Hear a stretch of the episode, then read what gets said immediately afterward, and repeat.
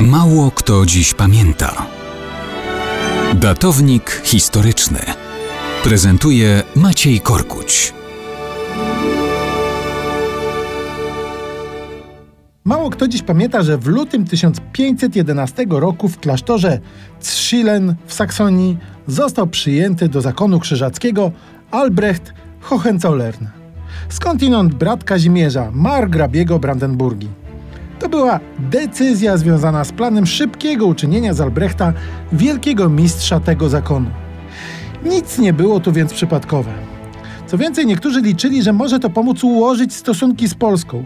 Wszak Albrecht był synem Zofii Jagielonki, rodzonej siostry Zygmunta I Starego, czyli siostrzeńcem króla Polski.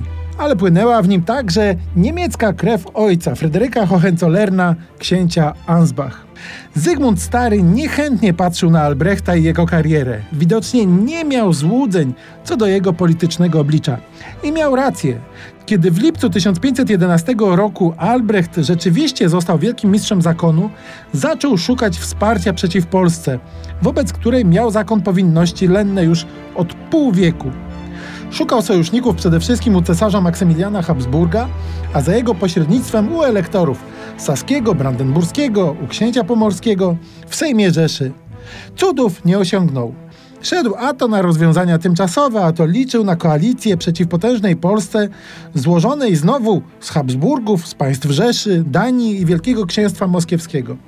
Wykorzystywał przy tym, jako wielki mistrz katolickiego przecież zakonu, kontakty z papiestwem, a katolickiego cesarza Habsburga chciał mieć także za przyjaznego zakonowi rozjemcę w sporach.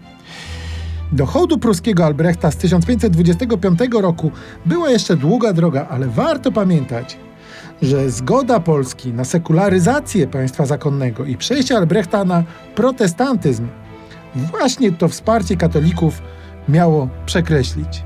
Cóż, o ile byłoby prościej, gdyby jagiellońskie geny matki Albrechta okazały się silniejsze od tych ojcowskich z Hohenzollernów.